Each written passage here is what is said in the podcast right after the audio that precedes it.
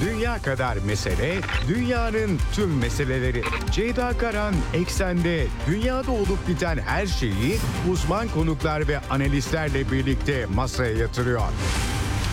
Dünyadaki meseleleri merak edenlerin programı Ceyda Karan'la Eksen hafta içi her gün saat 16'da Radyo Sputnik'te. Ceyda Karan'la Eksen başlıyor.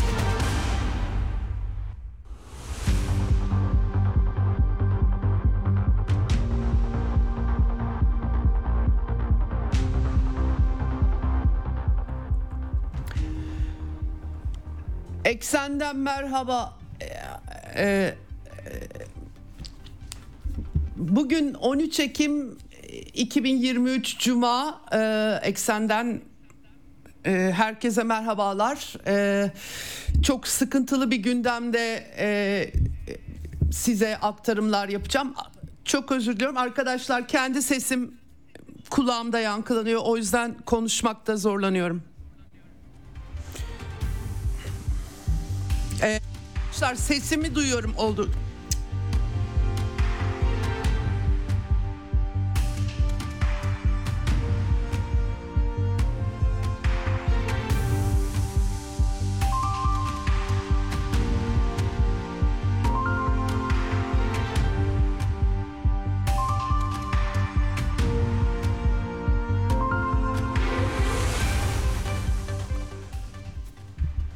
Eksenden merhabalar efendim. Ee, kusura bakmayın teknik bir arıza var. Kendi kulağım e, e, sesim geldiği için konuşmakta zorlandım. Arkadaşlarım teknik sorunu çözmeye çalışıyorlar şu anda. Ee, bugün 13 Ekim e, 2023 Cuma e, ve e, sıkıntılı bir gündemle karşınızdayız. Eksende Orta Doğu'da İsrail-Filistin geriliminin aldığı boyutlar fırtına öncesi sessizlik diye nitelendirebilirim. Bugün Cuma günü Filistinlilerin çağrıları var. İsrail sınırına Arap ülkelerinden, Ürdün'den e, yürüyüşler haberleri var. Batı Şeria e, ile ilgili sıkıntılı başlıklar var. Hamas'ın Aksa tufanı adı verdiği İsrail baskını, can kaybı, İsrail'in Gazze'ye yaptığı e, misilleme, bütün dünyanın e, dikkati açıkçası kutsal topraklarda. E, aktaracağım başlıkları size diplomatik girişimler, mesajlar eksik değil. Batı dünyasının tavrı Anthony Blinken bölgede fakat Amerika'nın artık küresel çapta herhangi bir yangını söndürebilecek bir e, sözünü de geçirtecek bir konumu yok. Askeri olarak güçlü olabilir, caydırıcı gücünü sergiliyor. Fakat bu nelere yol açacak kimse bilmiyor.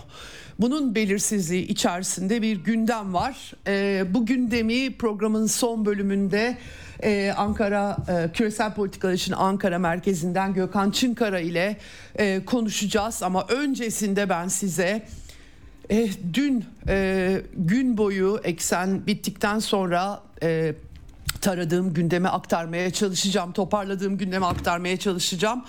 Hemen e, uzatmadan e, frekanslarımızı tekrar etmek istiyorum. İstanbul'dan 97.8, Ankara'dan 96.2, İzmir'den 91, Bursa'dan 101.4 e, ve Kocaeli'nden 90.2.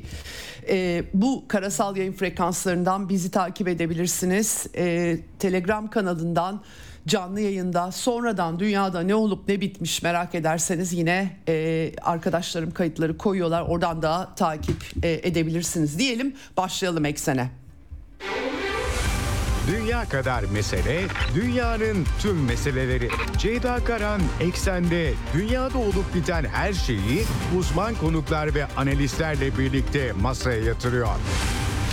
Dünyadaki meseleleri merak edenlerin programı Ceyda Karan'la Eksen hafta içi her gün saat 16'da Radyo Sputnik'te.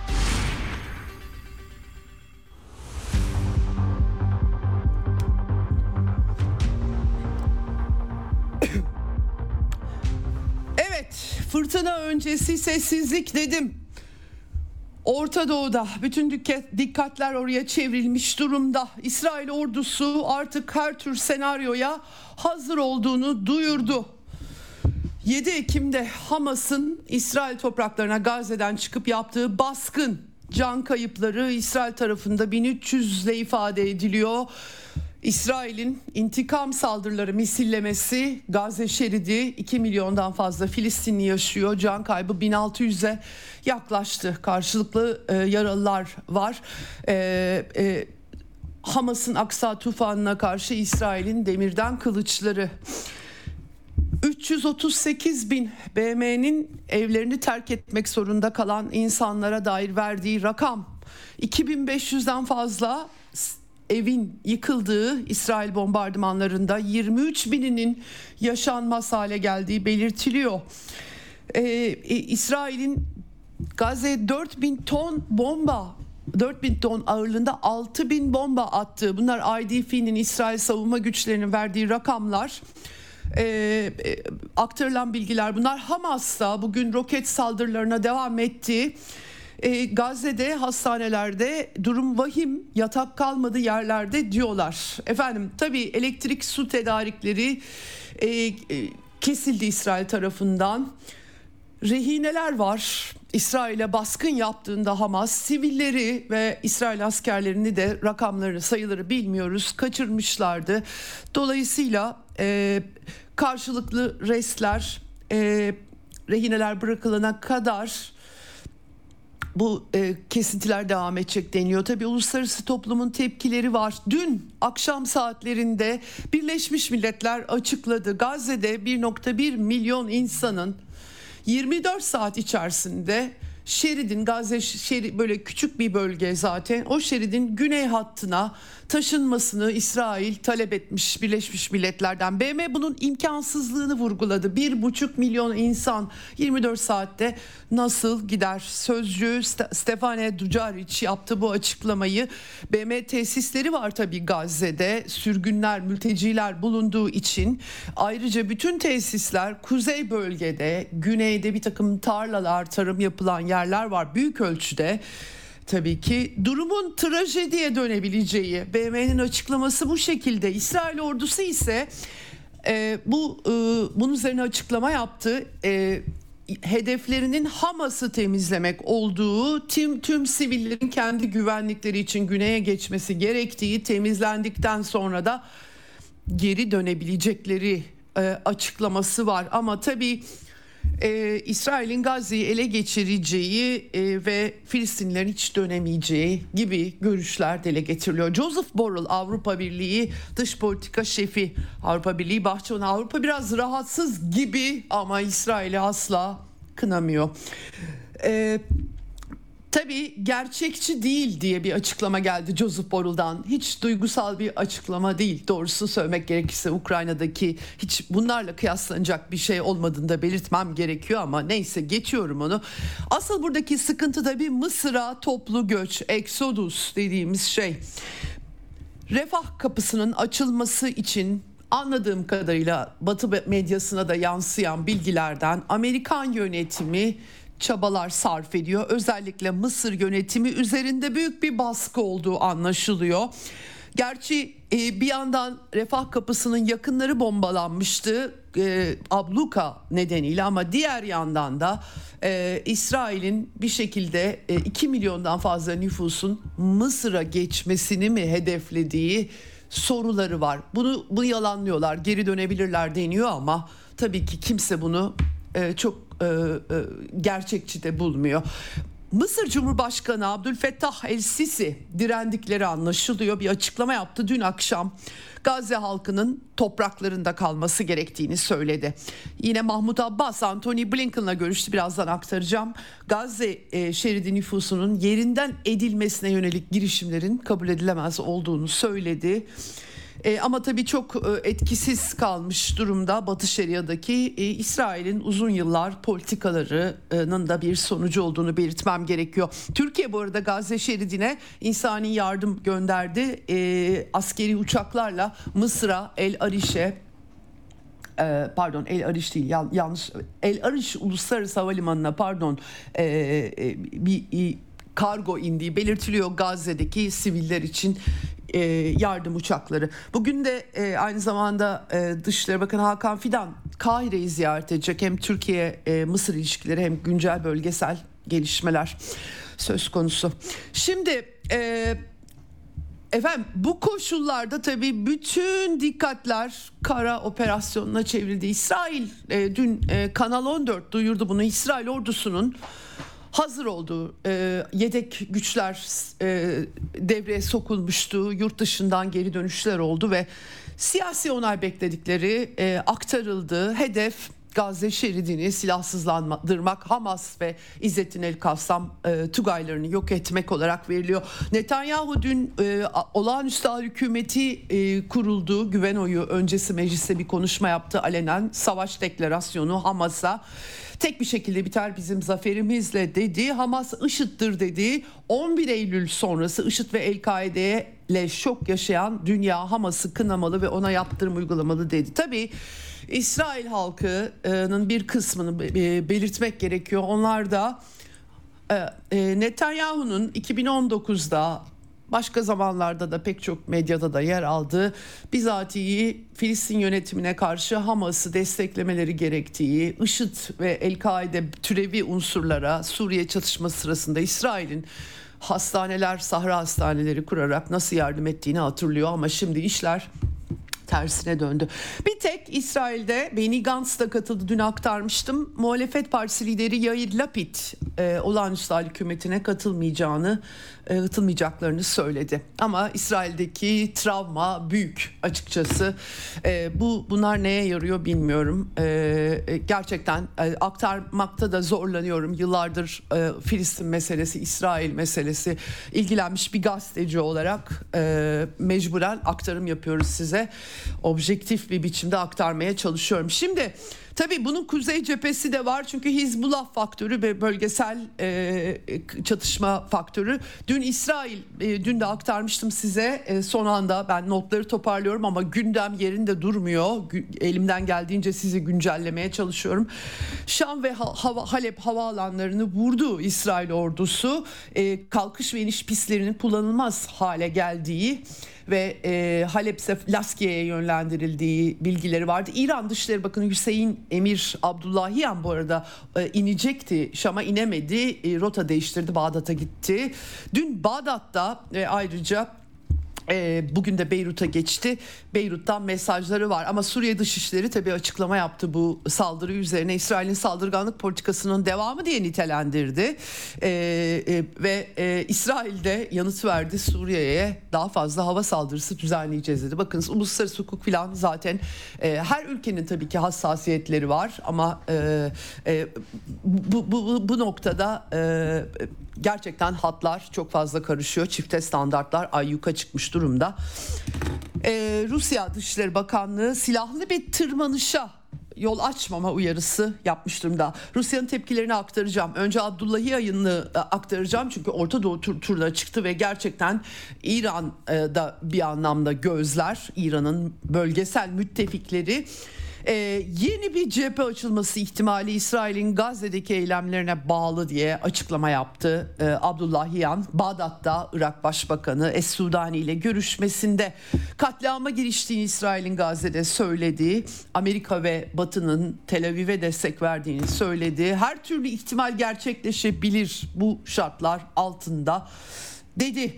Ee, El Aksa tufanının e, tabii e, enteresan bir formülasyon. Filistinlilere özgü ve İsrail yönetiminin radikal yaklaşımlarından kaynaklanan koşulların bir sonucu olduğunu söyledi İsrail lideri. Şey, İran e, Dışişleri Bakanı e, yani siz eziyet ettiniz onlar da gelip sizin sivillerinizi işte böyle e, katleder demeye getirdi. Efendim e, bitmiyor tabii böyle formüle ettiğiniz zaman e, bu, bu, bu işte bitmiyor. E, ama burada tabii asıl önemli olan İran ve müttefikleri bu çatışmaya girecek mi meselesi. Geri kalan söylemleri daha çok yardımlarla ilgiliydi ve seferber olmuş durumdalar. Tahran'a karşı cephe açılması ihtimali sorulduğunda biz de onlara gelecekteki olasılıklara ilişkin cevabın Siyonist rejimin Gazze'deki eylemlerine bağlı olduğunu söyledik şeklinde formüle etti. Ee, Yani gerçekten bölgesel savaş riski ortada. Sudani pek bir şey diyememiş zaten Amerikan işgalinden sonra Amerika'nın kurduğu bir Irak e, parçalı yapısı var Irak'ta. Daha ardından Beyrut'a geçti. Bugün de Hizbullah, Emel Hareketi, Hamas, İslami Cihat temsilcileri e, temasları var. Nasrallah'la görüşmesi var. Filistin İsrail'e karşı diğer seçenekleri kullanabilir diye de bir açıklaması var. Beyrut'ta Necip Mikati ile görüşmesi sırasında Abdullahiyan'ın. Efendim e, bir yandan tabii Washington'ın İran'a e, bloke paraları vardı. Onları e, serbest bırakmayacağı haberleri kulislerde Washington Post'un haberi yalanlandı ama Anthony Blinken birazdan aktaracağım. Bu kartı ellerinde tuttuklarını söyledi. Bunun İran'ı caydırma olasılığı tabii ki bu çerçevede çok fazla gözükmüyor ama göreceğiz tabii ki. E, dikkatler tabii ki Hizbullah'ta, Nasrallah'ta e, belki o da bir açıklama yapar. Türk Dışişleri Bakanlığı Lübnan'a seyahat uyarısı yapmış durumda. Kuzeyde de İsrail'in kuzeyinde Metula civarı kapalı askeri bölge ilan edildi. E, Lübnan'dan bir cephe açılıp açılmayacağına bütün dikkatler çevrilmiş durumda. Şimdi gelelim Amerika'nın e, Amerika'nın tutumuna. Anthony Blinken dün Tel Aviv'de e, Isaac Herzog, İsrail Cumhurbaşkanı ve Başbakan Netanyahu ile görüştü. Sadece Amerikan Dışişleri Bakanı olarak değil bir Yahudi olarak karşılarına çıktığını söyledi. E, büyük babasının Rusya'daki pogromlardan kaçtığını, Rusya İmparatorluk Rusyası'nı kastediyor tabii. En azından Ukrayna'nın Rusya'nın bir parçası olduğunu hakikaten kabul etmiş gözüküyor Amerikan Dışişleri Bakanı. Neyse efendim e, İsrail'in te, e, terörizme karşı meşru operasyonlar yürüttüğünü söyledi ve İsraillere kendi başınıza kendinizi savunacak kadar güçlü olabilirsiniz. Ancak Amerika var olduğu sürece buna asla gerek kalmayacak dedi. Bu bir caydırıcılık mesajı İsrail'e Hizbullah'ın e, bir şekilde müdahale etmesi ya da kuzeyde bir e, kriz patlaması halinde Amerika'nın Suriye'yi ve belki de e, Lübnan'ı vurması da mı söz konusu olacak sorusunu ben kaç gündür e, soruyorum. E, buna işaret ediyor bu laflar. Tabii mühimmatlar var vesaire. Bugün Ürdün'e geçti. Havaalanındaki demeci çok çarpıcı. Amerikan Dışişleri Bakanı'nın dedi ki okuyorum size bunu. ABD, İsrail ve diğer demokrasileri, ABD, İsrail ve diğer demokrasileri ayıran şey bunun gibi zorlu durumlara geldiğinde uluslararası hukuka saygı, savaş kurallarına uymak. Şimdi bakın toplu bir nüfusu ce- cezalandırmak a, savaş kurallarına uyacak bir şey değil. Ee, Ursula von der Leyen e, Rusya'nın enerji altyapısı Ukrayna'nın vurduğu zaman e, bir takım tweetler atmıştı ama Orada hiçbir zaman Ukrayna kentleri o kadar dengeli vuruldu ki hiçbir zaman tümüyle elektriklerin kesileceği şekilde vurulmadı Ukrayna. Arada dağlar kadar şu an e, Gazze'de olanlarla fark var ama geçiyorum ona hadi öyle diyelim. Peki o zaman Avrupa Birliği'nin standartları nedir? Onların tercih ettikleri yerlerde sivil nüfus cezalandırılabilir. E, tercih etmedikleri yerlerde cezalandırılamaz mı? Bu soru çıkıyor ortaya ve bu Anthony Blinken'ın sözlerinde çıkıyor. Hangi savaş kuralları? Çünkü uluslararası insancıl hukuk diye bir şey var. Elimizden geleni yapıyoruz dedi Blinken. Sivil nüfusun zarar görmesini önlemek. Evet Irak'tan da biz Irak işgalinden de bunları biliyoruz e, maalesef. Bu tamamen Hamas ile zıt dedi. E, insanları kalkan olarak kullanıyor dedi. Katılıyorum bu sözlerine. Kullanıyorlar. Rehine aldılar zaten. Hiç e, bu anlamda bir şüphem de yok. E, altın çiziyorum. Aslında Filistinli sivilleri zarar görecekleri duruma Hamas'ın soktuğunu söylüyor. Bunu herkes kolaylıkla bu şekilde formüle edebilir. Amerika'nın farkı nedir acaba sorusu ortada. Bu onların oyun planının parçası doğru ama e, acaba Amerika'nın oyun planı nedir? Süper güç olarak. Biliyoruz ki İsrail tüm e, önlemleri alacak. E, bizi Hamas gibi terörist gruplardan ayıran da bu. Bu sözler açıkçası hiçbir ayrım e, içermiyor. Gerçekten e, bugün Bloomberg'un bir haberi var e, bu arada ger- aktarmak istiyorum. E, Rusya ve Çin'e bağlantılandırmışlar Gazze'deki durumu. Batı'nın çifte standartları yüzünden Rusya ve Çin'in bu krizden faydalanacağını söylemişler. Yani çifte standartlarla fazla bir dertleri yok. Kimin faydalanacağına odaklanıyorlar. Peki o zaman neden böyle bir şey çıkıyor ortaya? Neden bu politikalar izleniyor? Gibi bir sorgulama yok. Ben e, Batı'da e, bu Ukrayna çalışmasının hat safhaya çıkarttığı akıl yitiminin e, bütün bu tabloda ortaya konulduğunu düşünüyorum. Üzülerek söylüyorum bütün bunları altın çizeyim. E, Ürdün'de Mahmut Abbas'la Anthony Blinken bugün görüşüyor. Tabii Mahmut Abbas etkisiz ve yetkisiz çağrılar yapıyor. Dünyaya çağrı yapıyor. Bir işe de yaramıyor. Zaten İsrail hükümeti geçmişte Filistin yönetimine karşı Hamas'ı desteklediği için e, böyle bir sonuçta da oldu. Tabii ki Filistin yönetiminin pek çok yetersizliği, pek çok sıkıntısı, yolsuzluğu var. Bunların hiçbirine itirazım yok ama onların belki siyasi iradesini güçlendirme tercihi de yapılabilirdi yapılmadı o da İsrail'in tercihi. Efendim e, Blinken Katar, Suudi Arabistan, Birleşik Arap Emirlikleri Mısır'ı da ziyaret edecek. En büyük ziyareti hiç bu kadar Orta Doğu'ya önem vermemişlerdi. Zaten böyle bir şey beklemediklerini anlıyoruz. Doğruysa eğer. Amerika'nın 101. hava indirme TUGA'yı Ürdün'e konuşlanacak bu arada önemli. Wall Street Journal'ın da bir başlığı var. A-10 saldırı uçaklarından oluşan bir filonun İsrail'i desteklemek için Birleşik Arap Emirlikleri'nin El Dafra üssüne ulaştığı bilgileri geliyor. Bir çeşit kara müdahalesi olacak. Ne çeşit olacak hep beraber göreceğiz ama tabii diplomatik kulislerde bir yandan Amerika bu e, sergilemeyi yapıyor. Diğer yandan da İsraillilere yani e, bir takım riskleri e, anımsattıkları yansıyor. Anladığım kadarıyla Pentagon'da bir takım bölgesel savaş kaygıları var. Daha geniş çaplı bir çatışma potansiyeli okuyorlar ve özellikle tabii ki bu durumda Amerika'nın Orta Doğu'daki üsleri hala Suriye'de işgalci pozisyonunda, kuzeyde, Tanaf bölgesinde ve İran destekli grupların Irak'tan ya da Suriye'den bölgesel çatışmada Amerikalıların üzerine hücum edeceği gibi bir durum var. Topyekun bir Orta Doğu çatışmasının içine sürüklenme riski var Amerika'nın. Bunun dile getirildiği İsraillilerle artık bu hesaplar, kitaplar nasıl yapılıyor bilmiyorum ama konuşulduğu e, anlaşılıyor. E, tabii e, dün ben aktarmıştım size CNN e, ayrıca Pentagon kaynaklarına dayanarak e, Ukrayna ve İsrail'e mühimmat sıkıntılarını yansıtan haberi vardı. Bu tabii e, CNN'deki formülasyon iki tarafın farklı mühimmatlar talep ettiği. Bu yüzden hani ikisini de verebilir gibisinden İsrail demir kubbeye e, hassas güdümlü füzeler istiyor. Ukrayna top mermisi istiyor ama kara harekatı başladığında İsrail'in de başka mermilere ihtiyacı olabileceği söyleniyor. Bilemiyorum silah stoklarında ne kadar kaldı. Kendi Batı medyasının yazıp çizdiği sıkıntılar bunlar. Ben de size aktarıyorum.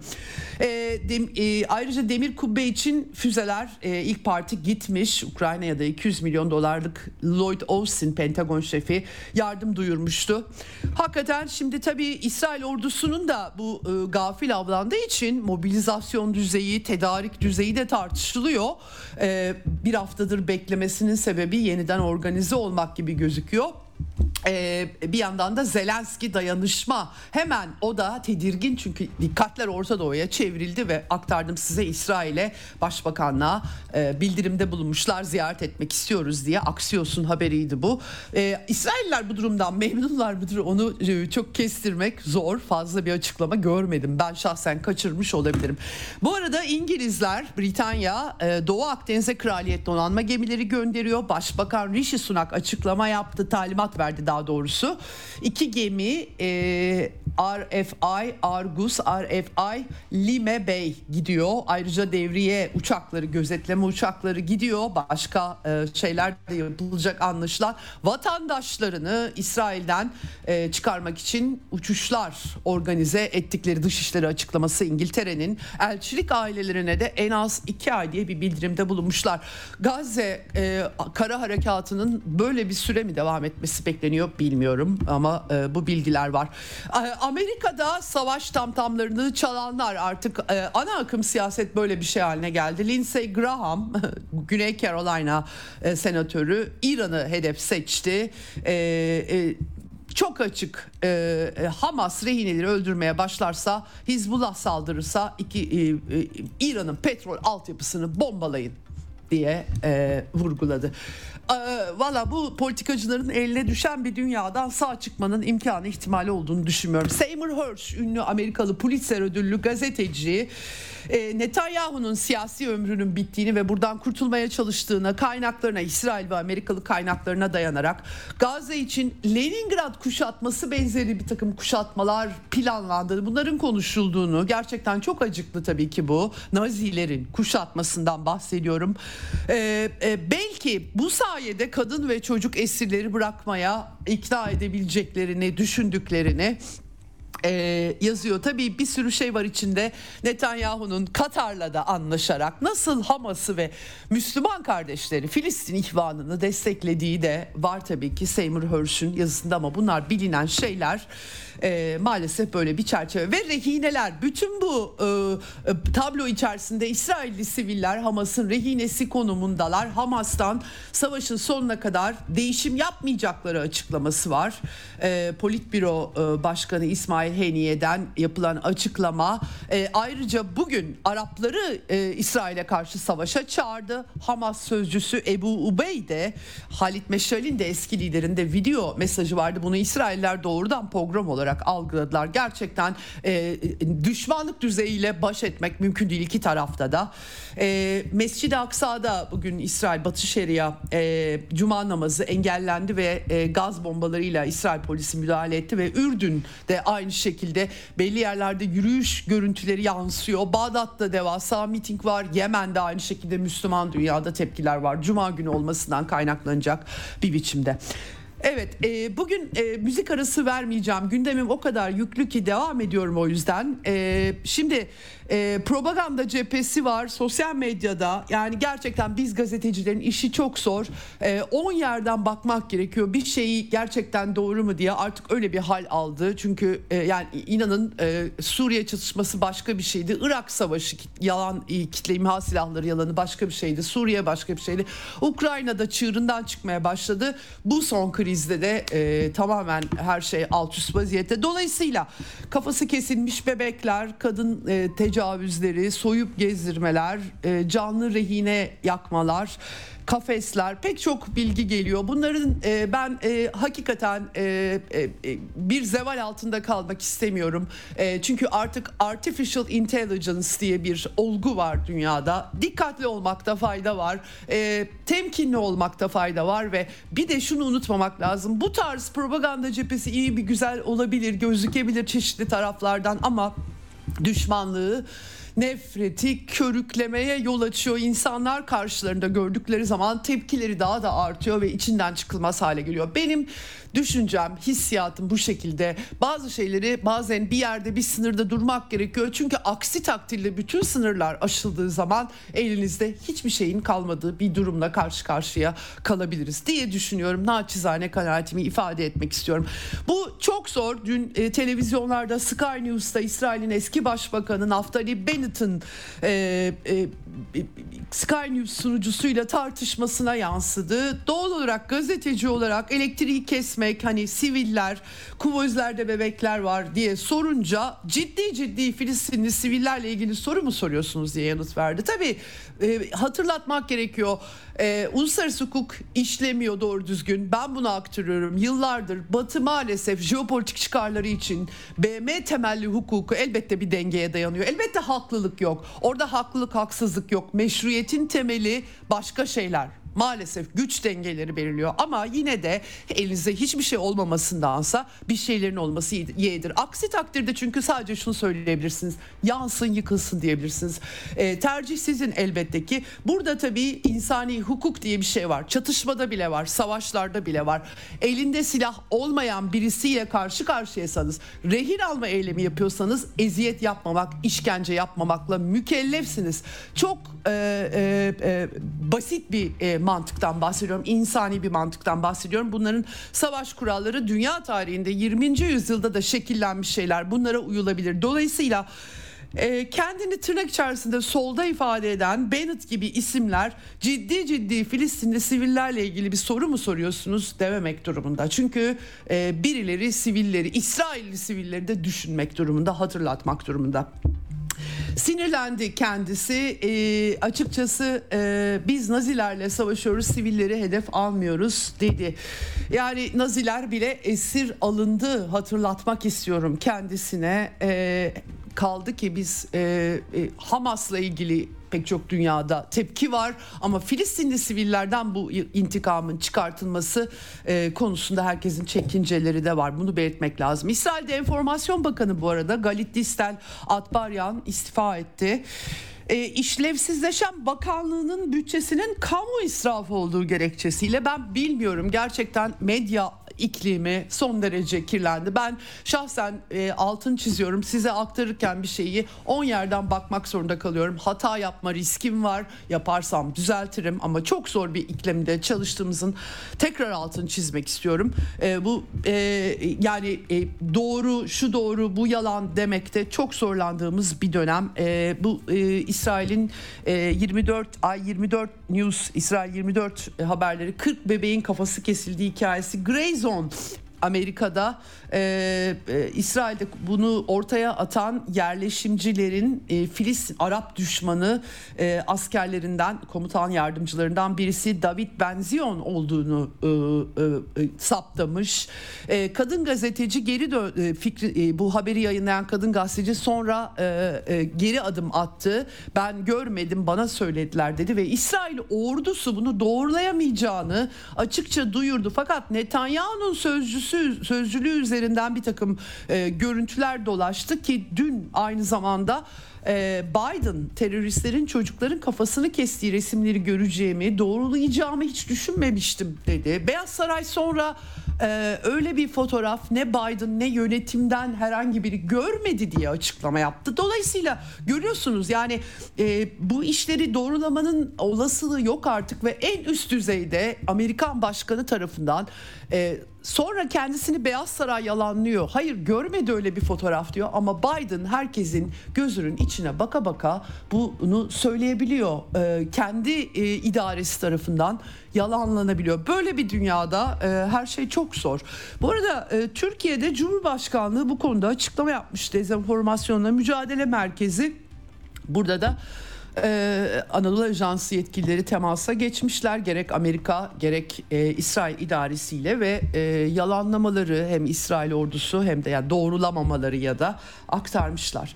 Dediğim gibi e, geçmişte Saddam Hüseyin Kuveyt işgali sırasında Kuveyt'teki bebekleri öldürdüler diye haberler çıkmıştı. O zaman sosyal medya yoktu. Belki dezenformasyon çoktu. E, insanlar bir sürü şeye yıllarca inandılar. Şimdi sosyal medya ile birlikte bunun önü kesilmiş gibi gözüküyor. Ama düşmanlıkları törpüleyecek e, manipülasyon düzeyleri bambaşka bir e, e, e, hale gelmiş durumda. E, şimdi e, Hamas bir reddediyor ama belgelenmiş bir kafa kesme vakası iki İsrail askerinden de bahsediliyor. Hamas'ın Suriye'deki e, Hamas ve paylaştığı ideolojinin diyelim Yerbuk kampında yaşananlar Filistinli e, seküler örgütlerle Hamas o zaman Suriye'de yönetim karşıtı devrim iddiasındaydı ve e, pek çok acımasızlık da sergilenmişti. O zaman Batılılar Hamas'ın yanındaydılar. Bu da bu kadar e, ironik bir durum. Bunun da altını çizmek istiyorum efendim. Şimdi e, bugün tabii Avrupa, e, Rusya e, diplomasi cephesinden başlıklarım var.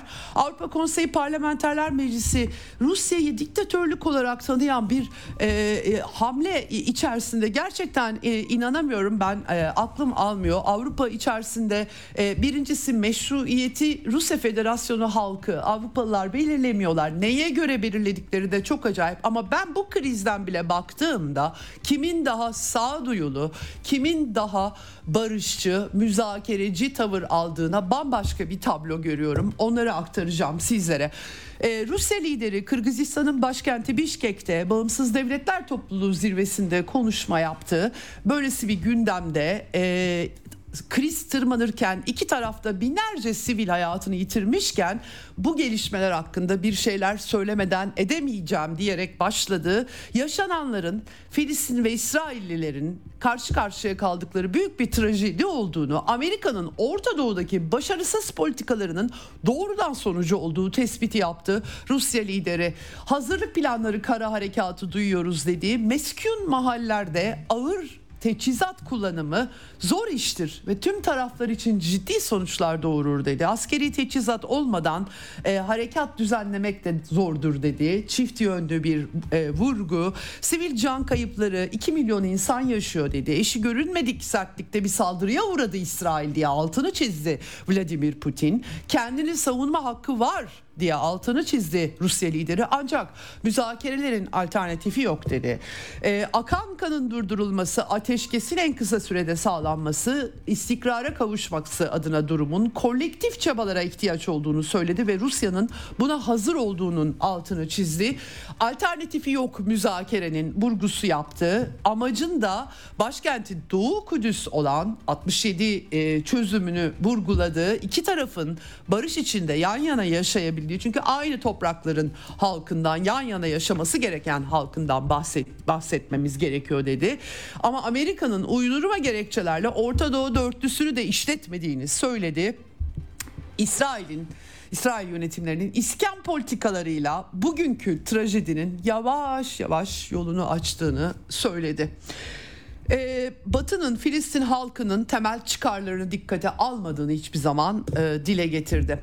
Evet e, tabii ki e, Rusya bu krizde dengeli bir pozisyon almaya çalışıyor gördüğünüz gibi ama ortaya çıkan resim karşısında Filistin halkının e, bu e, neden sonuç ilişkilerini kurarak e, bu sorunun belki çözüm denklemini formüle etmeye çalışıyor. Benim görebildiğim kadarıyla çünkü aksi yıkım ve daha korkunç bir savaş olabilir tüm bölge için. O yüzden e, bilemiyorum tabii ki ne kadar dikkate alınacak. Avrupalılarda pek öyle bir şey yok gibi gözüküyor. Bu arada tabii ki yoğun bir diplomasi trafiği var. Herkes herkesle konuşuyor. İran'da aynı şekilde size aktarmıştım. Suudi Arabistan e, Cumhurba e, Veliaht Prensi İran e, Cumhurbaşkanı'nın 45 dakikalık görüşmesi var. Onun Suudi okumasında ilginç vurgular var. Sivillerin hedeflenmesi, blokaj, uluslararası hukuk, kötüleşen insani koşullar. Şimdi diyeceksiniz ki peki ya Yemen? Gerçekten dünyada hak, haks, haklılık, haksızlık, adalet çok zor bulunan bir şey.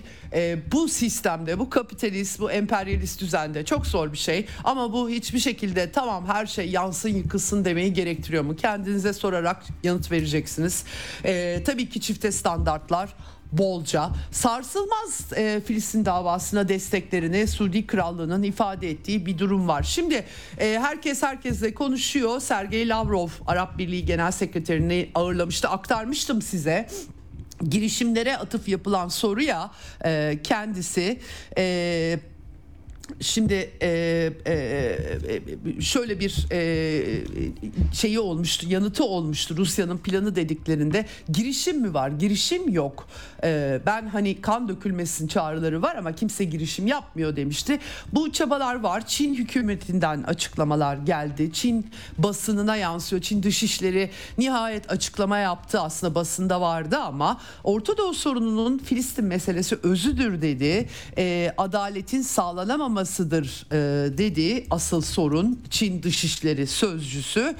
E, Filistin meselesinde önemli rol oynayan Arap Birliği'ni desteklediklerini dile getirdi e, ve Orta Doğu barış sürecini doğru yola döndürmek için tüm taraflarla iletişim koordinasyon vurgusu yaptı. Biraz daha e, soğuk duruyor Çinliler ama onlar da onlara uzak bir coğrafya tabii. Bugün Pekin'de ve İsrail Büyükelçiliği çalışanının bıçaklandığı yolunda Jewish Insider kaynağı haberler e, var. E, Borrell, Joseph Borrell AB dış politika şefi Çin'e gitti. Yine tuhaf benzetmeler yapıyor Çin'de tabii. Tilki benzetmesi yapmış bu sefer kendisi. E, China Morning Post'a verdiği demeçte ve çok tuhaf şeyler Ukrayna üzerinden işte Çin'in tarafsızlığına biz ikna olmuyoruz. Avrupa Birliği de tarafsız değil ki Ukrayna çatışmasında. Filistin İsrail'de de tarafsız değil. Böyle bir resim varken tersine çeviriyor Çinliler tarafsız mı diye soruyor. Belki de Çinliler de AB tarafsız mı diye soracak bilmiyorum ama benim ilk aklıma düşen bu oluyor. Velhasıl e, Venezuela dışişlerinden de tepki var. BRICS ülkeleri acaba BRICS Blue küresel güneyin sesi daha çok işitiliyor biliyorsunuz. E, diplomasi e, a, e, çabaları artacak ama e, artık askeri güç kara harekatının konuşulduğu ortamda biz ancak bu girişimleri size aktarabiliyoruz. Rusya Türkiye Dışişleri Bakanları yardımcılarının da bu arada görüştüklerini aktarmak isterim size. E, bir koordinasyon olduğu anlaşılıyor. Efendim e, bir kısa kısa e, bir, bir arkadaşlarım beni uyardılar. Bir kısa müzik arası vereceğim. Hemen dönüşte Avrupa'da olan gelişmeleri Türkiye'yi anlatacağım. Bizden ayrılmayın.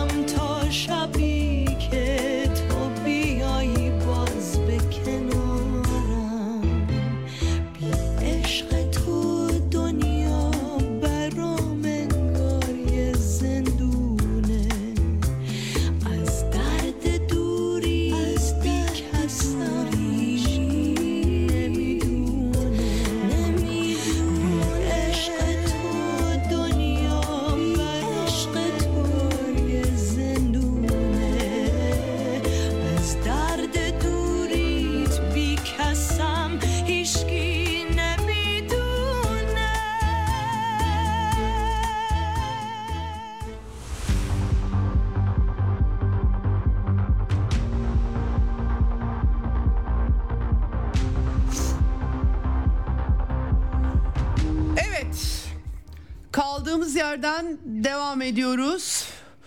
Ee, Avrupa e, Avrupa Gazze ile ilgili Avrupa e, notlarını e, aktaracağım sizlere.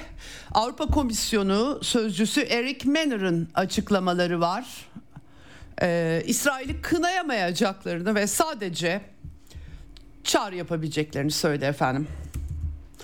Ee, Tabii e, Avrupa'nın dört bir yanında protesto gösterileri, göçmen nüfus var, Orta Doğu'dan nüfus var. E, bunun yankıları Filistinli e, lehine, göz, Filistinli Araplar lehine gösterilere yasaklamalar, Filistin bayrağı taşıyanları yaka paça götürmeler. Bu manzaralar sosyal medyadan, haberlerden her yere e, yayılıyor. E, e, ve açıklamalar var. Tabii bunların e, hepsi nefreti de daha da körüklüyor. Çünkü e, Avrupa'da yaşayan Yahudilere yönelik e, tehditler e, var. Avrupa bu yasaklama kararlarını da bu şekilde izah ediyor. Antisemitizme sıfır toleran, tolerans. Almanya Başbakanı Olaf Scholz bu yönde açıklama yaptı. İsrail'i desteklemek için e, binlerce insan gösteri yaptı ama e, vahşi terör eylemleri oluyor diye vurgular. E, vahşi terör eylemleri varken, utanç verici görüntüler varken başka türlü hareket edemeyeceklerini Hamas'ın e, İsrail'de işlediği suçları öven her türlü faaliyetin, sembollerin yasaklanacağını e, duyurdu. Tespit edilenler yargılanacak dedi. Ee, şimdi tabii e, şunu belirteyim mesela Berlin'de Duisburg gibi kentlerde Hamas'ın İsrail'e yaptığı rehin alma operasyonu nedeniyle e, şeker dağıtılması, e, kutlamalar yapılması gibi resimler var. Avrupalılar da buna bakarak bunun çaresini de Filistinli Arapların Gazze'ye İsrail misillemesinden sonra yasaklama getirmekte buluyorlar. Görüyorlar öyle anlaşılıyor. Yahudiler uyarılıyor tetikte olun diye hatta Yahudi gençlere Yahudi olduklarını göstermemeleri çağrıları da yer alıyor gerçekten dramatik bir tablo olduğunu düşünüyorum. E, e, Fransa'da yasakladılar kamu düzenini gerekçe göstererek Macron'un dün akşam e, ulusa sesleniş konuşması vardı. E, Hamas'ın baskınında 13 Fransız vatandaşının öldürüldüğünü 17'sinin de kayıp olduğunu söyledi. Fransa e, Cumhurbaşkanı tutuklananlar var. E, gamalı haçlar kullananlar var. Tabii gamalı haçları en çok Ukrayna'daki evde kullanıyorlar ama neyse geçiyorum onu. E, Fransa Adalet Bakanlığı Hamas veya İslami cihatı destekleyenlerin e, hapis cezasına çarptırılacağı yolunda e, bir açıklaması e, var. İsrail'de, Portekiz'de e, e, açıklamalar var, tepkiler var.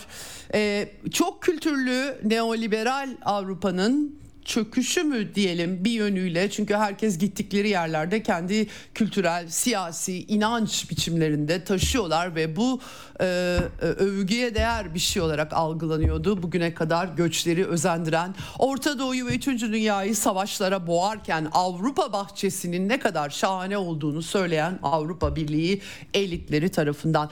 E, Kissinger'ın dikkatimi çekti. Zamanlamasını hangi tarihte vermiş gerçekten e, o kadar çok şey baktım ki e, vaktim olmadı ama sözlerini dinledim videosunu. Tamamen farklı kültür ve dinlere mensup bu kadar çok insanı ülkelerimize kabul etmek büyük bir hataydı. Ülkemize kabul etmek büyük bir hataydı diyor Kissinger. E, neoliberal dünyanın son en azından 20 yıldır salık verdiği her şeyin tersine döndüğü bir durum. Efendim İtalya yalnız e, Savunma Bakanı Guido Crosetto e, tüm Filistinlilerle Hamas'ı özdeşleştirmeme çağrısı yapmış. Dikkat çekici buldum bunu. Evet. Ee, şimdi e, Hırvatistan e, e, Cumhurbaşkanı Milanovic e, Gazze'de sivilleri öldürerek misi, İsrail misillemesini eleştirdi e, kendisi. E, arkadaşlar internette bir sıkıntı var mı? E, sanki düzeldi gibi geldi bana. Duyuyor musunuz beni?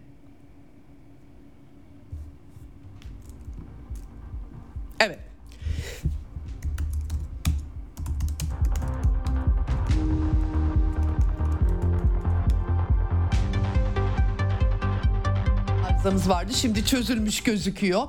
Efendim e, Hırvatistan e, lideri Milanovic'in açıklaması Dışişleri binasına Hırvatistan'da İsrail bayrağı asılmış ve kendisi bu durumdan çok da hoşlanmamış anlaşılan.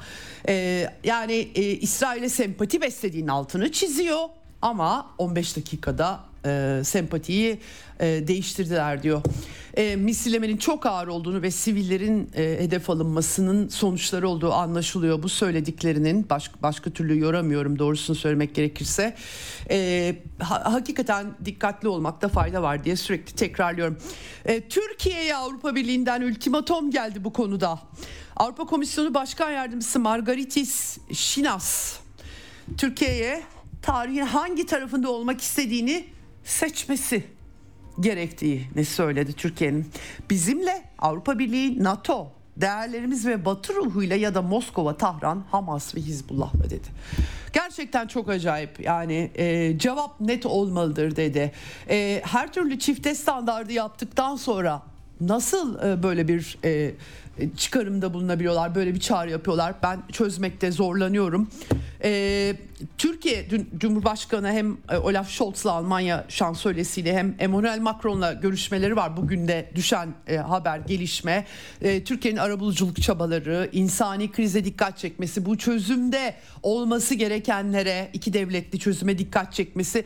Bunları Avrupalıların hiçbirinin anladığını zannetmiyorum. Gerçekten başka bir boyuttan bahsediyoruz. Dün Türkiye Büyük Millet Meclisi 6 parti ortak bildiri yayınladı. Aslına bakarsanız krizin e, patlama potansiyeli, gerilimin telafi edilmez sonuçları, e, 56 yıldır devam eden bir hukuksuz işgale e, vurgu yapılması bu metinde yer aldı. Pek çok eleştiri getirilebilir ama e, kolektif cezalandırma yöntemlerinin kabul edilemez olduğunun altı çizildi. Cumhurbaşkanı Bay Amerika Yahu Amerika nere? Akdeniz, İsrail, Filistin nere? Ne işin var senin orada? diyerek TÜGVA etkinliğinde Amerika'nın uçak gemisi yollamasını sert bir dille eleştirdi.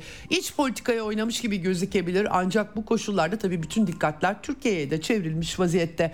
Ee, Suriye'den de bahsetti. Tabii Suriye'de ayrı bir sıkıntı Türkiye için. Ee, Türkiye'nin bölgesinin sancılı günlerden geçtiğini söyledi. En son Suriye'de tabii e, SİHA düşürülmesi terörle mücadele ederken e, Türk siyasını düşürecek kadar ferasetini kaybeden bir anlayış dedi. Birazdan konuğumla da konuşacağız. Amerika-Türkiye ilişkileri gerilmiş durumda. Biz NATO'da beraber değil miyiz diye sordu. Cumhurbaşkanı e, SİHA'yı nasıl düşürürsün görmedim bilmedim farkında değilim nasıl söylersin. E, Amerikan güçleri meşru müdafaa tırnak içerisinde bir saldırı algılamadıklarını ama meşru müdafaa için Türk siyasını düşürdüklerini söylemişti, duyurmuştu. İncirlikten mi kalktı soruları olmuştu ama e, tabii e, e, Ürdün'den kalktığını Milli e, Savunma Bakanlığı daha sonra açıklamıştı. Şimdi tabii Cumhurbaşkanı İsrail'e de yüklendi. Örgütlerden farklı olarak devletler savaş hukukuyla insan haklarına riayet etmekte mükelleftir. Bu çizginin giderek kaybolduğunu düşünüyoruz dedi. Türkiye'ye de Suriye ile ilgili pek çok e, eleştiri tabii getiriyorlar. Cumhurbaşkanı da İsrail-Filistin meselesi üzerinden e, kendi pozisyonunu bu şekilde e, dile getirdi. ABD ve AB'ye barışa hizmet etmeyen her adım savaşa destek vermek anlamına gelir diye çağrıda bulundu. Dün Biden yönetimi efendim Suriye kaynaklı ulusal acil durumu uzatma kararı aldı. Burada 14 Ekim 2019'da ilan edilmişti. Başkanlık kararnamesiyle kongreyi bilgilendirdiler e, IŞİD ile mücadeleyi özellikle Türk hükümetinin Suriye'nin kuzeydoğusunda askeri harekat için attığı adımların IŞİD'le mücadeleyi zayıflattığı iddiası var. Amerika'nın eğer IŞİD'le mücadele ettiğini düşünüyorsanız. Efendim e, tabii Dışişleri Bakanlığı buna meydan okuyan bir yazılı açıklama yaptı. Tanju Bilgiç Biden yönetiminin bu tutumuna BM'nin 51. maddesine dayanarak Türkiye'nin hareket ettiği bölgede huzur istikrar sağladığı tabi bu da tartışmalı PKK, YPG, DAEŞ, IŞİD terör örgütlerinin faaliyetlerine e, yönelik hareket edildiği ABD'nin tek taraflı tasarruflarda bulunmak yerine Suriye'ye istikrar kazandırıcı ülkenin bütünlüğünü önceleyen politikalarını anlayarak desteklemesi bu harekatların Suriye'nin toprak bütünlüğünü sağladığı iddiası da var Türk Dışişleri'nin açıklamasında. Evet gerçekten e, işler hakikaten gergin, e, sıkıntılı başlıklar. E, Stoltenberg İsveç'in ittifakı e, üyeliğinin onayını beklediğini açıkça e, Brüksel'deki NATO e, karargahında yapılan toplantıda dile getirdi. Türk Savunma Bakanı Yaşar Güler de katıldı bu toplantıya ve söz verdiğini söyledi.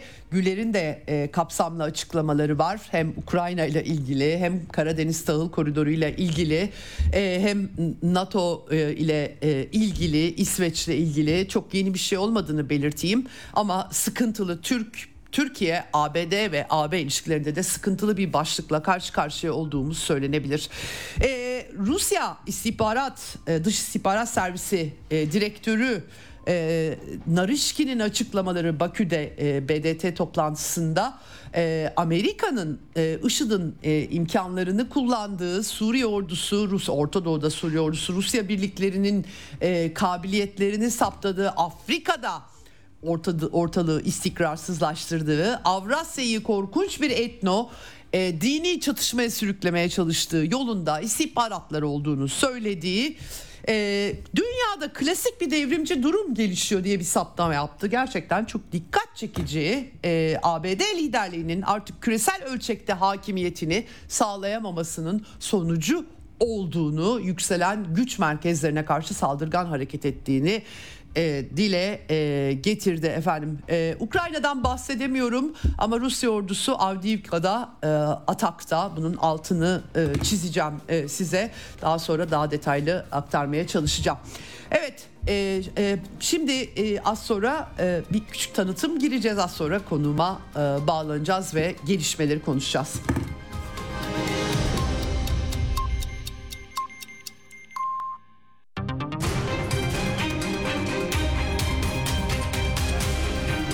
Radyo Sputnik. Anlatılmayanları anlatıyoruz. Ceyda Karan'la Eksen devam ediyor.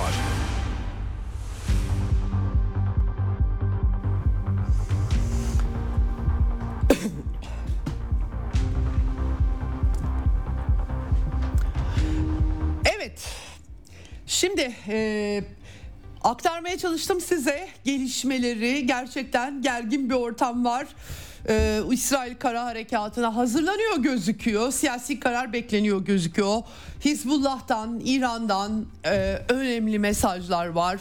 Türk-Amerikan ilişkileri gergin.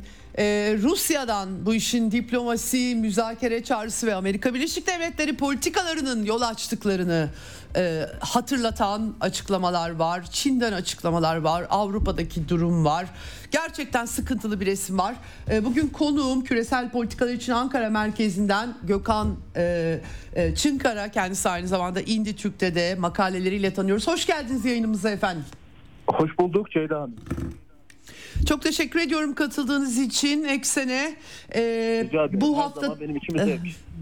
Sağ olun çok teşekkürler. Hakikaten çok sıkıntılı günlerden geçiyoruz. Bizler için de çok zor. E, düzgün doğru düzgün haberleri toparlayıp aktarmaya çalışıyoruz. Gelişmeleri öngörmeye ve olumsuz gelişme olmamasını dilemek dışında çok da elimizden bir şey gelmiyor. Ama Türkiye'nin e, bulunduğu bölge zaten hep uzun yıllardır çok sıcak bir bölge. Şimdi iyice her şey e, makara boşalıyor gibi bir görüntü var. Şimdi e, tabii e, bölgesel çatışma riski var.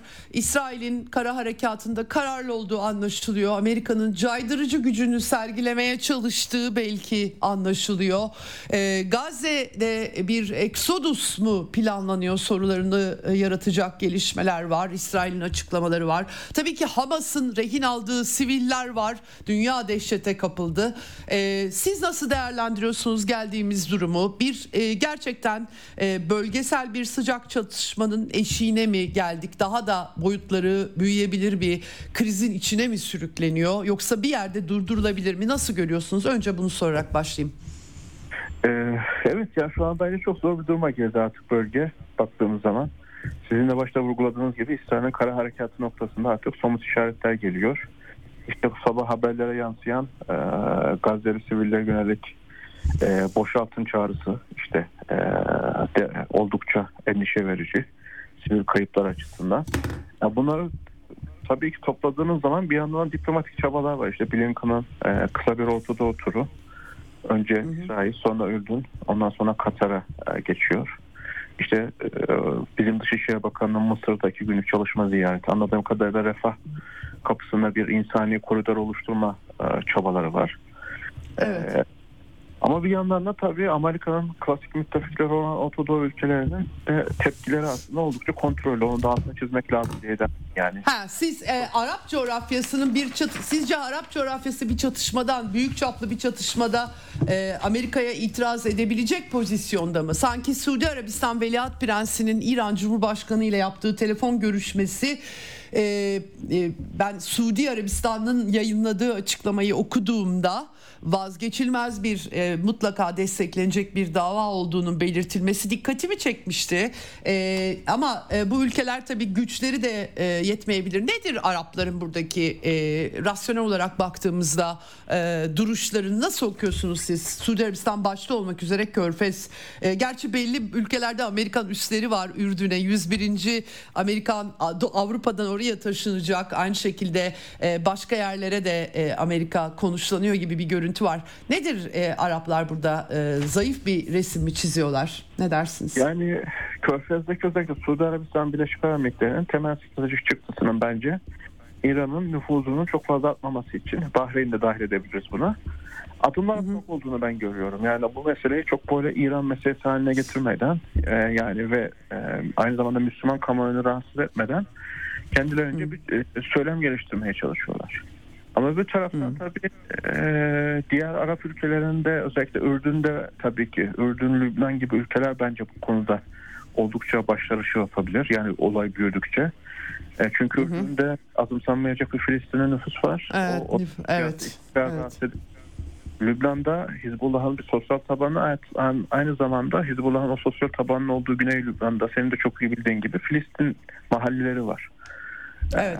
Ee, oradan gelecek bir insan akımının sınırlara dolması işte bugün öyle bir şey yaptılar akın şeklinde tufan şeklinde belki de o operasyonun ismini de o bilerek verdiler. Tufan şeklinde böyle bir insan akımının olması e, buradaki zaten zayıf devlet otoritesinde bence sarsabilir. Yani benim temel öngörüm şu an için bugün itibariyle olayların genişlemesi durumunda e, öncelikle Lübnan ve Ürdün'ü çok şey görüyorum risk görüyorum Hı hı, Yani Orta Doğu'da e, eğer bir şeyler değişme meselesi olacak olursa. Ha, Ürdün ve Lübnan'dan sonra tabii ki Mısır benim odağıma giriyor. Orada da en nihayetinde bir e, ekonomik kriz ve aynı zamanda hoşnutsuzluk var. Bu olan olaylar hı hı. iyice şey yapabilir. Çarpın etkisiyle farklı bir etki yaratabilir. E, tabii diğer ülkelerde de bu etkilerde gören etkilerle birlikte farklı bir yönelim içine tekrar girilebilir. İşte Körfez bence en büyük endişesi. Özellikle e, Bahreyn, Suudi Arabistan ve e, tabii ki Birleşik Arap Emirlikleri'nin e, içlerindeki nüfusun bu mesele e, eksenine e, mobilize olması ve günün sonunda bir nevi e, sistem karşıtı bir e, enerjiye de dönüşmesi. Bu da tabii en zayıf halka Bahreyn. Onu zaten sen de biliyorsun. Evet, ee, evet. Körfez'de. Tabii orada Bahreyn'de bir şey olur. O da Suudi Arabistan müdahale eder. Ürdün'de bir şey olur. Yine Suudi Arabistan. Yani böyle bir şeyler olabilir diye beklentim var benim. Yani e, Lübnan direkt İsrail'e çatışmaya girer senaryosundan ziyade e, Ceyda Hanım hı hı. benim hı hı. böyle çok e, zayıf halkaların bir anda e, kopabileceği ihtimalini e, ortaya çıkartıyor. E, tabii bu da e, bölgede Rusya ve Çin'e ilişkin farklı bir e, alan açma da olabilir. Belki ileriki sorularda onu soracaksın. Şimdilik benim gördüğüm tablo Evet. Evet. Ya e, bugün tabii Bloomberg'de bir haber var. Yani e, özellikle e, Batı'nın çifte standartları Gazze'de e, açıkçası e, uzun süredir var tabii Batı'da çifte standart Evet e, aynı fikirdeyiz e, ama tabii burada çok fazla göze çarpıyor. Şimdi İsrail'in e, uğradığı saldırı gerçekten sivil nüfusun bu şekilde evet. silahla basılması elbette bunun bağlamları var. Uzun bir evet. çok sıkıntılı ve e, bir e, çok uzun yıllara yayılmış bir sorunun patlaması olduğunu tespit etmek gerekiyor. Saldırının e, biçimi tabii ki sivilleri de hedef alması bu şekilde herkesi çok e, şok etti. Ama tabii İsrail'in yanıtının e, Filistinli sivillerin yaşam hakları belirli en azından var olan verili eleştirsek iyi uygulanmasa bile e, insani hukuk bakımından bunlar e, gerçekten uzun vadede çok zarar verecek meseleler. Bu biraz çifte standartları fazla göze sokmuş gibi bir hissiyat içerisindeyim. Yoksa sorunun ne kadar e, kemikleşmiş ve sıkıntılı olduğunu ben de biliyorum. E, bu etkili ol, oluyor. Bloomberg de diyor ki bu çifte standartlardan Rusya ve Çin faydalanacak. Mesele faydalanmak mı sevgili e, Gökhan Çınkara e, burada böyle mi e, bakmalıyız? Tabii ki jeopolitik güç dengesi okumasını anlıyorum ama e, e, biraz bunun çifte standartlarını sorgulamak gerekmiyor mu? Ne dersiniz? Bu şekilde zaten Batı'nın bir e, bu bölgede herhangi herhangi bir etki sahibi olma olasılığı var mıdır? E, yoksa politikaların ters teptiği bir e, dönemin yolunu mu açar? Ne dersiniz? Yani Batı yani o şey Rusya ve Çin'in e, faydalanma meselesi. Ya faydalanma değil aslında burada her ülke kendi şeyine bakıyor. Ulusal e, güvenlik evet. Çıkarı. Tabii ki evet. Rusya'nın ulusal güvenlik çıkarı var. Çin'in de kendine göre ulusal güvenlik çıkarı var. O da burada tabii bir alan gördüğü zaman o alan üzerinde kendi şeyini şey yapacak. Ha tabii ki bu Rusya açısından e, enerjisini tüm Batı dünyası e, kamuoyuyla, medyasıyla biliyorsunuz özellikle liberal ve sol çevreler Ukrayna hı hı. E, Rusya Ukrayna arasındaki şeyi dönüştürmüştü, meseleye dönüştürmüştü. E, fakat bu tabii artık yine split noktasının e, Orta Doğu'ya dönmesi daha farklı bir hikaye yaratacaktır. Ama bu da Rusya'nın illaki e, Batı karşı e, nasıl diyeyim Batı karşıtı bir kampta yer alacağı tespitini yapmak için bence erken. Belki Rusya evet. burada bir Hı-hı e, işte İdlib meselesi. Bir denge yok mu? Putin'in son açıklamalarına bakıyorum. İsrail'in evet. meşru e, yanıtlarına evet. vurgu yapıyor ama bunun boyutları ve sorunun temeline işaret ediyor. Yani baktığım zaman çünkü ben başka bir şey göremiyorum. Geriye çünkü bir tek intikam kalıyor ve Amerika Birleşik Devletleri her ne kadar caydırıcı gücünü e, askeri olarak her ne kadar Blinken e, e, diplomatik tura çıkmış olsa da söylemleri enteresan. Yani ve e, e, askeri gücüyle Araplara bir şey yaparsanız diyormuş gibi bir izlenim edelim. Amerika'nın burada e, uyguladığı diplomasinin biçimi sizce Orta Doğu'da nasıl algılanabilir? Yani Amerika tabii ki yani İsrail'in caydırıcı gücü azalırsa kendisinin de e, Orta Doğu sahasında herhangi bir caydırıcı gücün azalacağını tabii bunun dinamo etkisiyle Asya'ya sirayet edeceğini çok iyi biliyor. Yani Tayvan olsun, diğer Hong Kong dosyası olsun birçok dosya sirayet edecek bir şey bu. Yani e, Doğu Akdeniz olsun. Yani o çok onlar aslında meseleyi tam olarak ortada olarak görmüyorlar. Yani onlar aslında meseleyi biraz daha yeni küresel yarış olarak okuyorlar bence Amerikalılar. O açıdan hı hı. E, Amerikalılar ve İngiltere'nin dikkat ederseniz ve sonradan Fransa'nın reaksiyonları çok hızlı ve şey oldu, agresif oldu Almanya'nın. Evet. Zaten onlar da zaten ilk ziyaret ederler şu an şeyi İsrail'i. Ee, o açıdan ben bazı şeyleri hemen söylemek için çok erken. Çünkü Suriye'ye baktığımız zaman Suriye'de bir nevi şey, e, Rusya'ya baktığımız zaman o da bir nevi Suriye sahasında aslında kendince e, aynı meselelerle uğraştığını tezini ortaya çıkartabilir. Biraz daha zaman hı hı. var yani tablonun e, nereye varacağı ve nasıl şekilleneceğine dair bence. Yani evet. bu kara evet. operasyonu bence kritik e, sonuçlar üretebilir. Sadece İsrail için değil bölge ülkeler açısından da. Evet peki bu noktada Türkiye'ye gelelim. Şimdi ilk başta Türk Dışişleri Bakanlığı tonunu pek çok insanın beğenmediği ılımlılıkta bir açıklama yayınladı. Tabii ki Hamas'ın baskınının şokuyla. Fakat ardından Cumhurbaşkanı'nın tonu giderek arttı ve iş tabii ki Suriye bağlamında Türk-Amerikan ilişkilerine kadar geldi. Cumhurbaşkanı'nın bugün de e, açıklamaları var. E, ben tabii bir kısmını e, notlarıma yayına girmeden almıştım. Sonradan konuşması oldu Cumhurbaşkanı İstanbul'da e, Afrika İş Forumu vesilesiyle burada Amerikan yönetimine ya tabii ki Gazze'nin e, e, Gazze mağdur ve mazlumdur ama İsrail'in mazlum durumu söz konusu değil diye bir açıklaması var Cumhurbaşkanı'nın. Ee, ABD'nin Dışişleri Bakanı benim Dışişleri Bakanımla görüşüyor. İsrail'e Dışişleri Bakanı sıfatıyla değil Yahudi sıfatıyla yaklaşıyorum diyor. Hakikaten böyle bir şey söyledi Blinken. Bu nasıl yaklaşım diyor. Karşısında da ben e, bölgeye bir Müslüman sıfatıyla yaklaşıyorum derse ne diyeceksin diyor Cumhurbaşkanı. E, PKK'nın Suriye'deki uzantılarıyla yürüttüğü Amerika'nın faaliyetlerin Türkiye'nin milli güvenliği için olağanüstü tehdit oluşturduğunu söylüyor. Savaş gemisi yollamanın tansiyonu düşürmeye katkı yapmadığını söylüyor. NATO'da beraber değil miyiz? Beraberiz. SİHA'mızı Amerika düşürdü mü? Düşürdü. Nasıl beraberiz? diyor. Aramızda güvenlik sorunu var.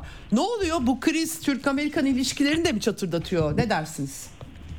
Ya tabii şey oradan e, Türkiye'de kendisine bir alan yaratmaya çalışıyor Suriye'de.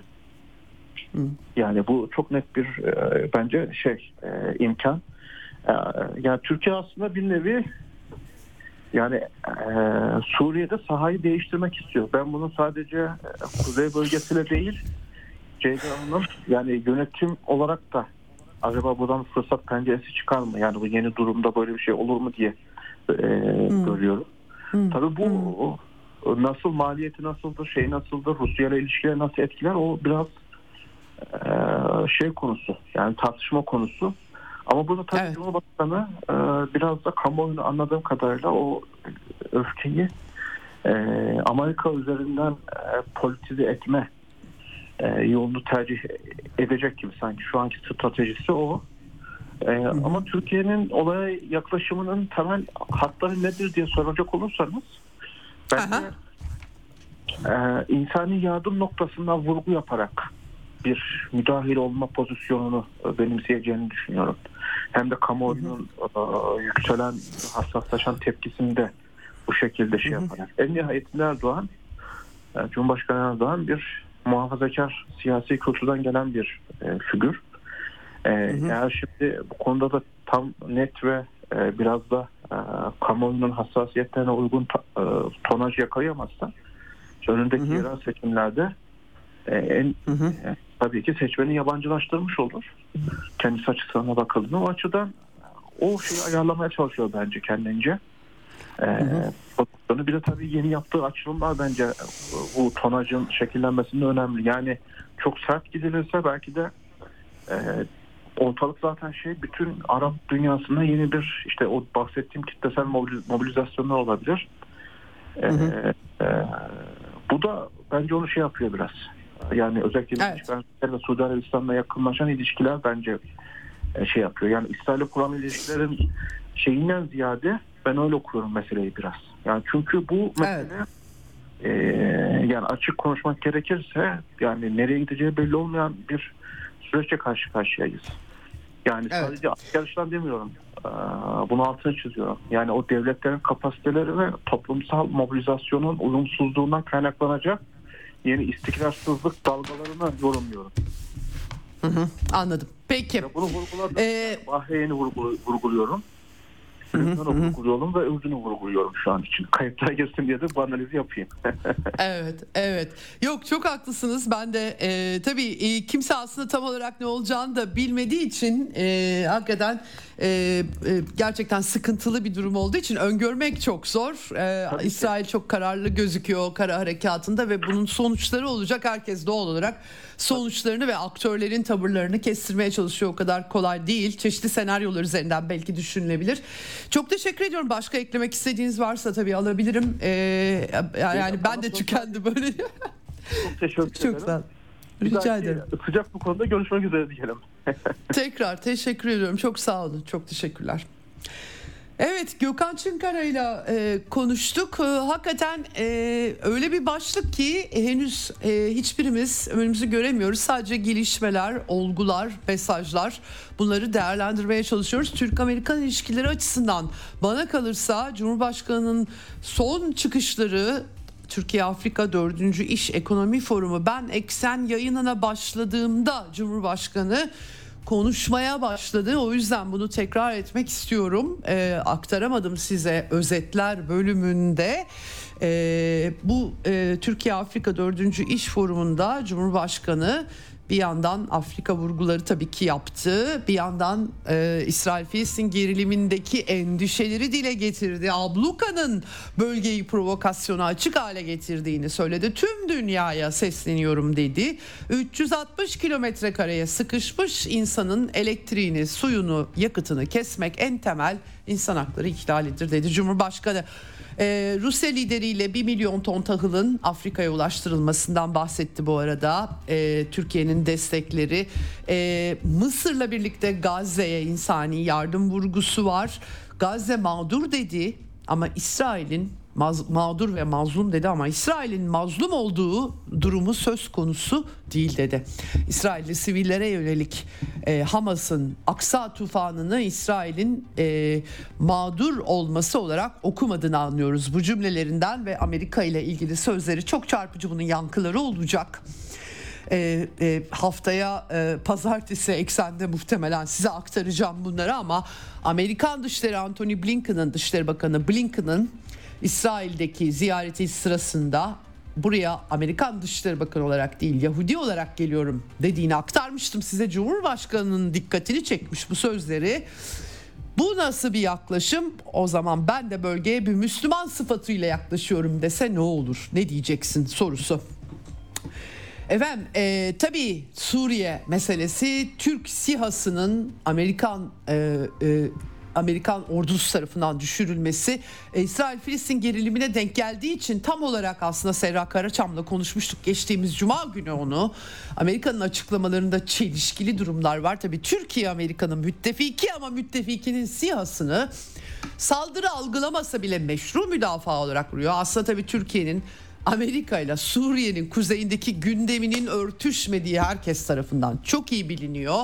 O itiş kakış bir türlü çözülemiyor. Türk Dışişleri Bakanlığı'nın tabii e, Biden'ın bugün e, bu kararnameyi uzatması Suriye ile ilgili onun içerisinde Türkiye'nin davranışlarını tehdit olarak gösterilmesi. Türk Dışişleri Bakanlığı'nın 17 Kasım tarihli meşhur 2019 Amerika-Türkiye mutabakatının uygulanmasını talep etmesi bunlar Suriye meselesindeki e, dikenli durumun daha da hem İsrail-Filistin meselesinin üzerine geldiğini ya da bunun da gündeme bu şekilde taşındığını bize gösteriyor. Çünkü Siyah meselesi İsrail-Filistin Hamas'ın baskınından önce çıkmıştı ortaya Cumhurbaşkanı. Bununla ilgili olarak e, ABD'nin Suriye'de yürüttüğü faaliyetlerin Türkiye'nin milli güvenliği için olağanüstü bir tehdit e, mahiyetine sahip olduğunu vurgulaması çok önemli. Şimdi bunun NATO'daki müttefikleri de bu arada tabii PKK'yı terör örgütü olarak tanıdıkları için işte efendim çifte standartlar derken tabii her şey birbirine giriyor. Bunu hatırlamakta fayda var. Amerika'nın müttefiklik ve stratejik ortaklık ruhuyla bağdaşmadığı gibi davranışları diyor. Güvenlik sorunu çıkartıyorlar bize. Suriye'yi bölmeye çalışan terör örgütlerine de cesaret vermektedir diyor.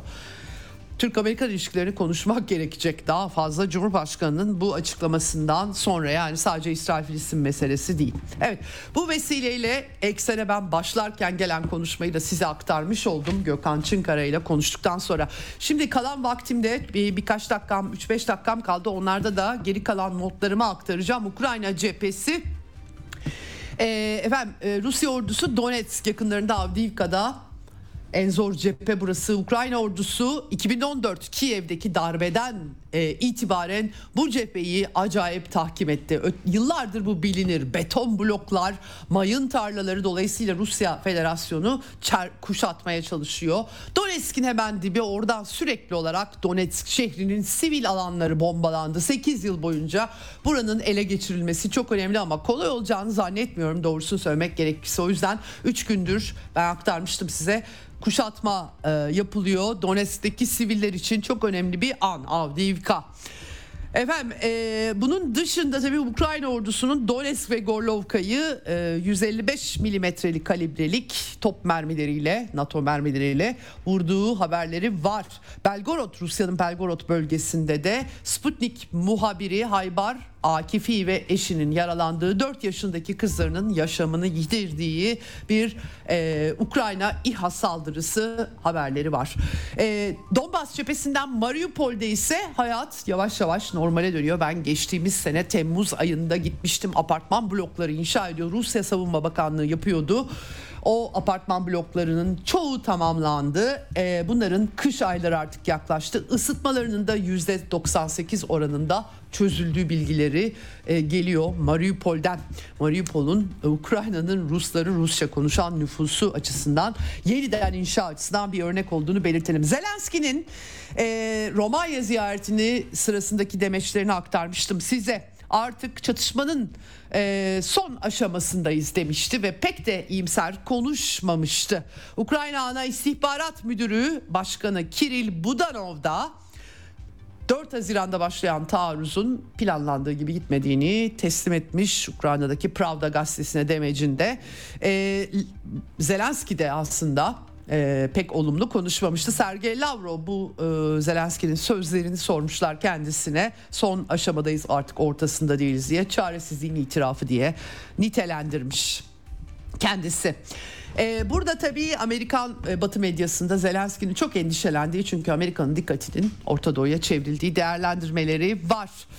E, Reuters haber ajansı bu arada sadece Orta Doğu mu bilemiyorum. Ben e, epey uzun zamandır dünyadaki gidişatın Batı hegemonyasının çöküşünün çökmekte olduğunun ya da çatlaklar belirdiği diyelim hadi e, çok parlak bir döneme gitmediğimize işaret ettiğini anlatmaya çalışıyorum ama Reuters haber ajansı dün akşam kongrenin kongre komisyonunun raporunu e, yayınlamış. Orada ABD'nin Çin ve Rusya ile eş zamanlı bir savaşa hazırlanılmasını önerdiği, konvansiyonel kuvvetlerin geliştirilmesi, ittifakların güçlendirilmesi, nükleer silah modernizasyonu gibi vurgular e, var efendim. Tabi savunma harcamalarında büyük artış gerektiriyor Amerika'nın. Şimdi artık özelleştirilmiş bu yüzden mühimmat sıkıntısından bahsediyorlar. Ee, Vietnam Savaşı e, ne kadar e, yanılmıyorsam Vietnam Savaşı'nda çünkü Amerikan ordusunda taşeronlaşma başlıyor neoliberal modelle birlikte. Ondan önce 2. Dünya Savaşı'nda %90'ı savunma sanayinin devletin elinde tabii ki. E, o yüzden sıkıntılar baş gösteriyor. Kongrede belki bunlara mı hazırlık yapalım diyor. Bugünkü Amerika'da nasıl olacak ben bilemiyorum ama aktarıyorum size Reuters'ın. NATO önümüzdeki hafta nükleer tatbikat yapacak. Geçen yıl Kuzey Denizi üzerinde yapmış bu tatbikat, rutin tatbikat Stoltenberg açıkladı. Steadfast Nun tatbikatı, tatbikatı gerçekleştirecek. İtalya, Hırvatistan ve Akdeniz üzerinde deniliyor. Hayra e, alamet tatbikatlar değil hakikaten. E, şey, bu arada tabii e, Slovakya e, Robert Fico önderliğinde solcular kazanmıştı. Sosyal demokratlar kazanmıştı. Avrupalılar çok tepki göstermişlerdi. Ukrayna çatışmasını eleştirdiği için kendisi e, Fico şimdi hükümet kurmanın eşiğinde yine kendilerinden ayrılan Sosyal Demokrat Parti ile bir de sağcı ortak almışlar ve Avrupa sosyalistleri onları üyeliklerini askıya almışlar bu yüzden.